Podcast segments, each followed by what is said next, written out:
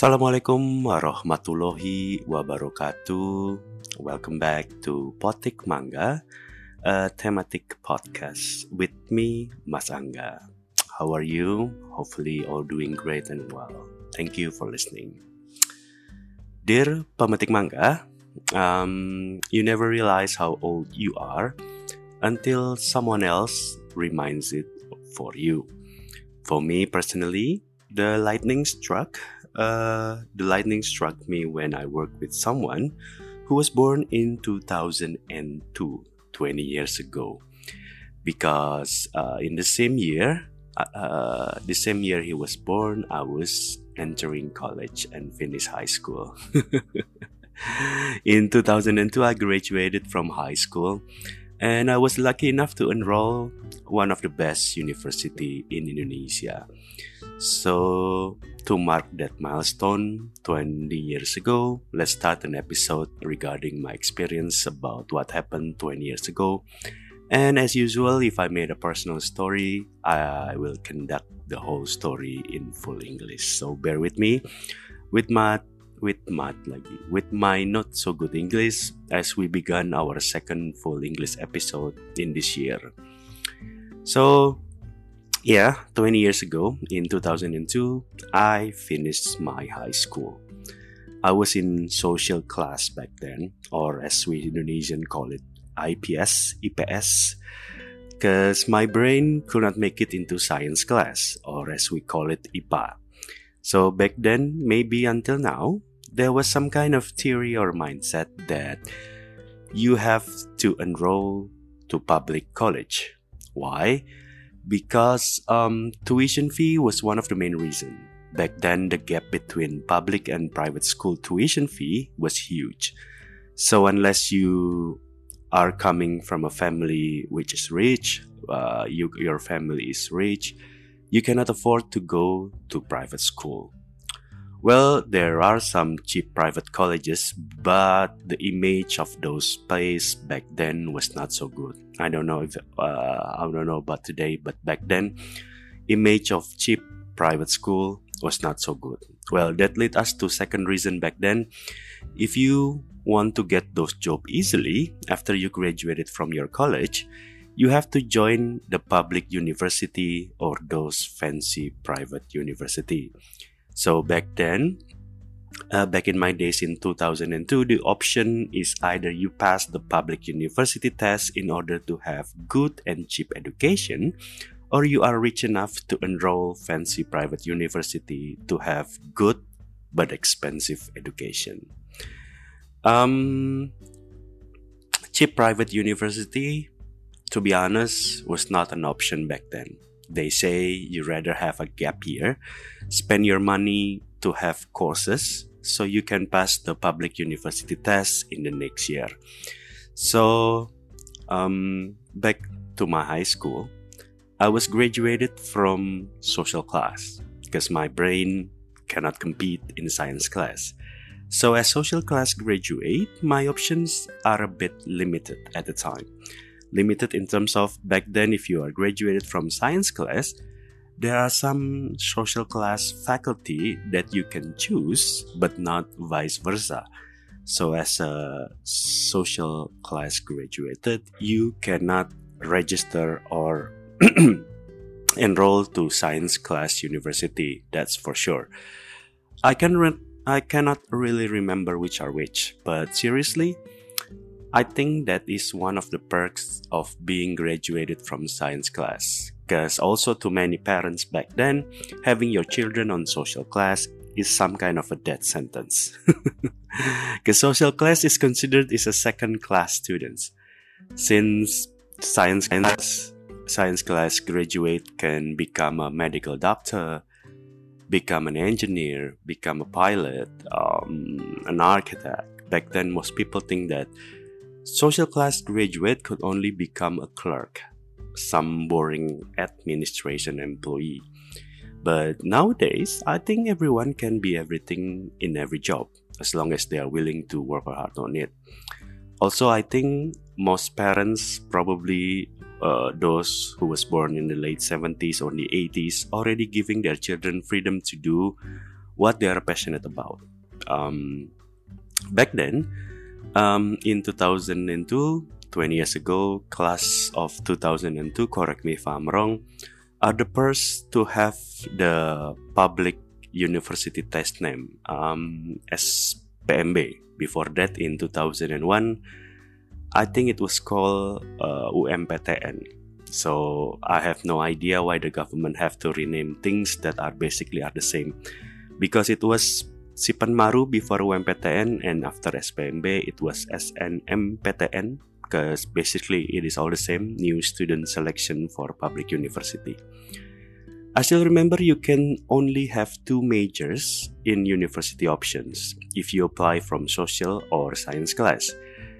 You can have three options for your majors in university if you mix or combine the tests. It was called IPC, Ilmu Pengetahuan Campuran atau Mixed Science. So I imagine this way. Um, so imagine this way: um, three years of high school, and then one day you have to put out put all out you have to put all of your future into two options in a single test. Should you fail to pass the test, it is either you have a private school as a backup or in which you have to do tests as well and prepare for a lot of money in tuition fee or if you don't have any backup it means one year of doing nothing and wait for the next year's test as I told you before in SPMBTS, you can choose two options from any major from any university across Indonesia. So basically from Aceh to Papua, as long it is a public university in Indonesia, you can have it as your options. And of course, back then, based on university ranks in Indonesia, the top option from every test participants from every high school graduates from that time is University of Indonesia. I have no clue for today's rank, but back then, if you are a social class students, the top ranks are uh, University of Indonesia (UI), then Gajah Mada University UGM in Yogyakarta, and then University Pajajaran Unpad in Bandung, and then uh, Diponegoro University in Semarang. I don't know um, what ranks are today, but back then that was the ranks of university of top university in Indonesia. All of them in Java Island. So you're probably aware of this since I believe it is the same system everywhere in this planet. Um, should you choose the number one university, it means your chance of getting it is more slighter than if you choose low ranks. Because top university, let's say economic faculty of University of Indonesia probably have only 100 seats each year. So if you try to enroll University of Indonesia, then you have face millions of competitors. Maybe not millions, but it is maybe a lot, around 10 or maybe hundreds of thousand applicants each year. I mean, maybe the numbers are incorrect, but if Jakarta alone has 100 high school students with uh, 100 high school with 200 students graduate each year, then Jakarta has already 2000 SPMB participants. You do the maths for all participants across Indonesia. Of course, not of them, not all of them participate in SPMB test, not all of them wants to go to the same faculty, but I do remember um, it is still a great number for you to compete to enroll the public university, especially those high ranks with those top major faculty. I uh, do remember back then, um, if I'm not if I'm not mistaken, um, the hardest competition was to enroll in International Relation of FISIP UI, HIUI. Hubungan Internasional FISIP UI, International Relation of FISIP UI. If I'm not mistaken, they are only accept 20 or 30 students each year. I still don't know uh, idea why. Maybe um, they have limited seats. Uh, I still don't have no idea why they only accept such a small number of students. But I think due to class capacity or maybe to ensure the quality still remains the same. So yeah, back then you have to choose two options for your college. But if you still remember, um, back then I don't know what I don't know if still happenings right now. Back then, there are some courses guaranteed that you can pass the test and join public university. Why they cannot they can guarantee you because it is um, they will advise you to register into majors in public university that will give you higher opportunity. That's why they can guarantee you to join public university. The course guarantee for you to pass the test, not for you to join top major choices in top university. So yeah, choose your option wisely since you are going to spend your next 4 years at least. Choose your option wisely since it become since it will become who you are in the future or at least that is what they told you back then.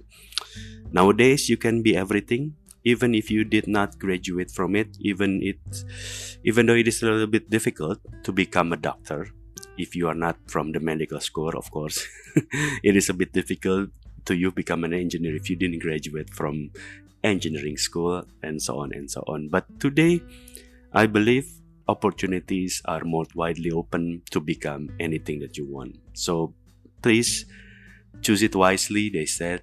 And for me in 2002 i did not choose it wisely I mentioned earlier that international relation from social and politics faculty from University of Indonesia is the hardest major with the slightest chance to pass. Therefore, only the brave choose it. Me, of course, I don't want to choose it. I want nothing near it. But for social students, um, correct me if I'm wrong, back then in 2002, the most prestigious faculty, at least at the time, I have no idea now, but the most respected, the most reputable, the greatest achievement was to enter Faculty of Economy, University of Indonesia. Let me rephrase it with FEUI. Well, FEUI considered as our highest goal for social students at the time those who can pass the test to join FEUI is considered among the brightest in social class. Even students from science class, I remember who are not into medical school, not into engineering, join the competition to enter FEUI. And to those who don't know, FEUI at the time has three majors. I don't know how many majors do they have right now, but back then they have three majors. First is management, accounting, and economics. I said I did not choose it wisely because of those three majors management, accounting, and economics. I decided to choose economics. Among those three majors, management are the most um, management has the most applicants accounting are the second economics are the least that is why I choose economics major since it will give me more chance to enter because it has the least applicants. And that where is I don't choose wisely. Because at least I know that economic major is the easiest to enter but the hardest to graduate. Economics major is the hardest to study between those three. I should have known better.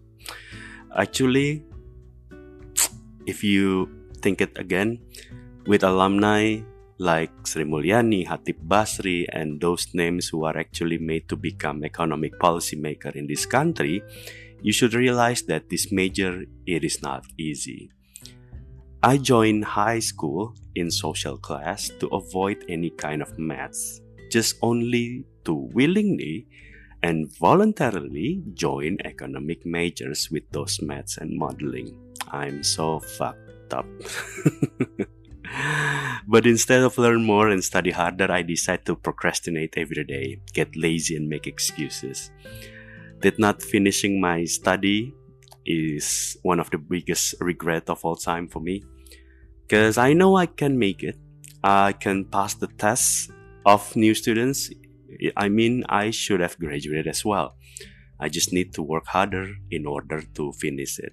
But yeah, well, Today's episode won't tell you story in details about how those days in college or how I spent it. No, it won't. Maybe another time. The main reason of this episode occur is back then in this year or maybe in last year, I forgot, is when I make up my room back in lockdown moments, probably this year. Um, I found a piece of my course selection card from my first semester in FEUI and it dated 25th of August 2002. With my photo on it, I still have hairs. I might want to frame it one day. Just to remind me how I have failed and to remind me I do have hair back then. but it brings back a lot of memory, bring a lot of flashback. I really wish if I could turn back time, probably I will do better in terms of finishing it because I know some of my friends can make it.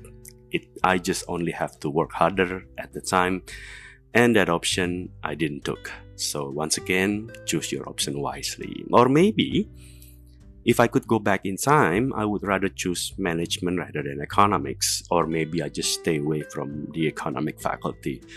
Uh, just choose some social faculty or just go to the law school because it don't have any maths apparently. By the way, law school was one. Uh, but law school was my second option in SPMB, as I mentioned earlier. In SPMB test, you can choose two majors. So the first major I choose is economics of FEUI. The second one is law school of UI. Why law school? Because at the time, um, uh, if I'm not forgotten, if I'm not mistaken, law school considered has better chance to pass since they have more seats than others uh, everyone in my class back then in high school choose law school as their second options. But of course, there are rumors that if you choose majors as your second option, they will consider other applicants that choose them as their first option first before they can choose you because you choose them as their second options. Maybe back then I should have gone to law school instead and faced no fucking maths. And no, if you're asking me, um, I do not I do not have any backup. I didn't took any of those private school tests. Um, why? Because uh, most of the time I uh, kind of realized that I don't think my parents could support me if I went to private school. And also, in order to enter those private school, you have to join the test. And if you want to join the test, you have to pay some fee just to join the test. So I don't have the cash at the time because I cannot remember the exact amount of the test, but maybe it is around 200,000 rupiahs or around uh, 15 US dollars, which is a lot of cash at the time. but actually, God has been good to me, giving the opportunity to enter one of the finest school in the country, and I just wasted. So once again, choose your option wisely and committed to it. To my college friend out there who I know, slight chance they are there. A bit slight chance that they are listening, but I do really miss those moments in college. Maybe another episode to record one day. But at this time being, once again, this is an episode about how you have to choose your option wisely. So then again, 20 years of enroll in FEUI. Look at me now doing podcast for you, one who did not listen. Thank you for listening. I'll see you again in another episode. Assalamualaikum warahmatullahi wabarakatuh. And yeah, before I forgot, um, maybe let's just finish this episode with Universitas Indonesia Universitas kami Ibu kota negara Pusat ilmu budaya bangsa My apologize to all UI Civitas Academica for any lyrics mistaken. That's it. Thank you for listening. Bye.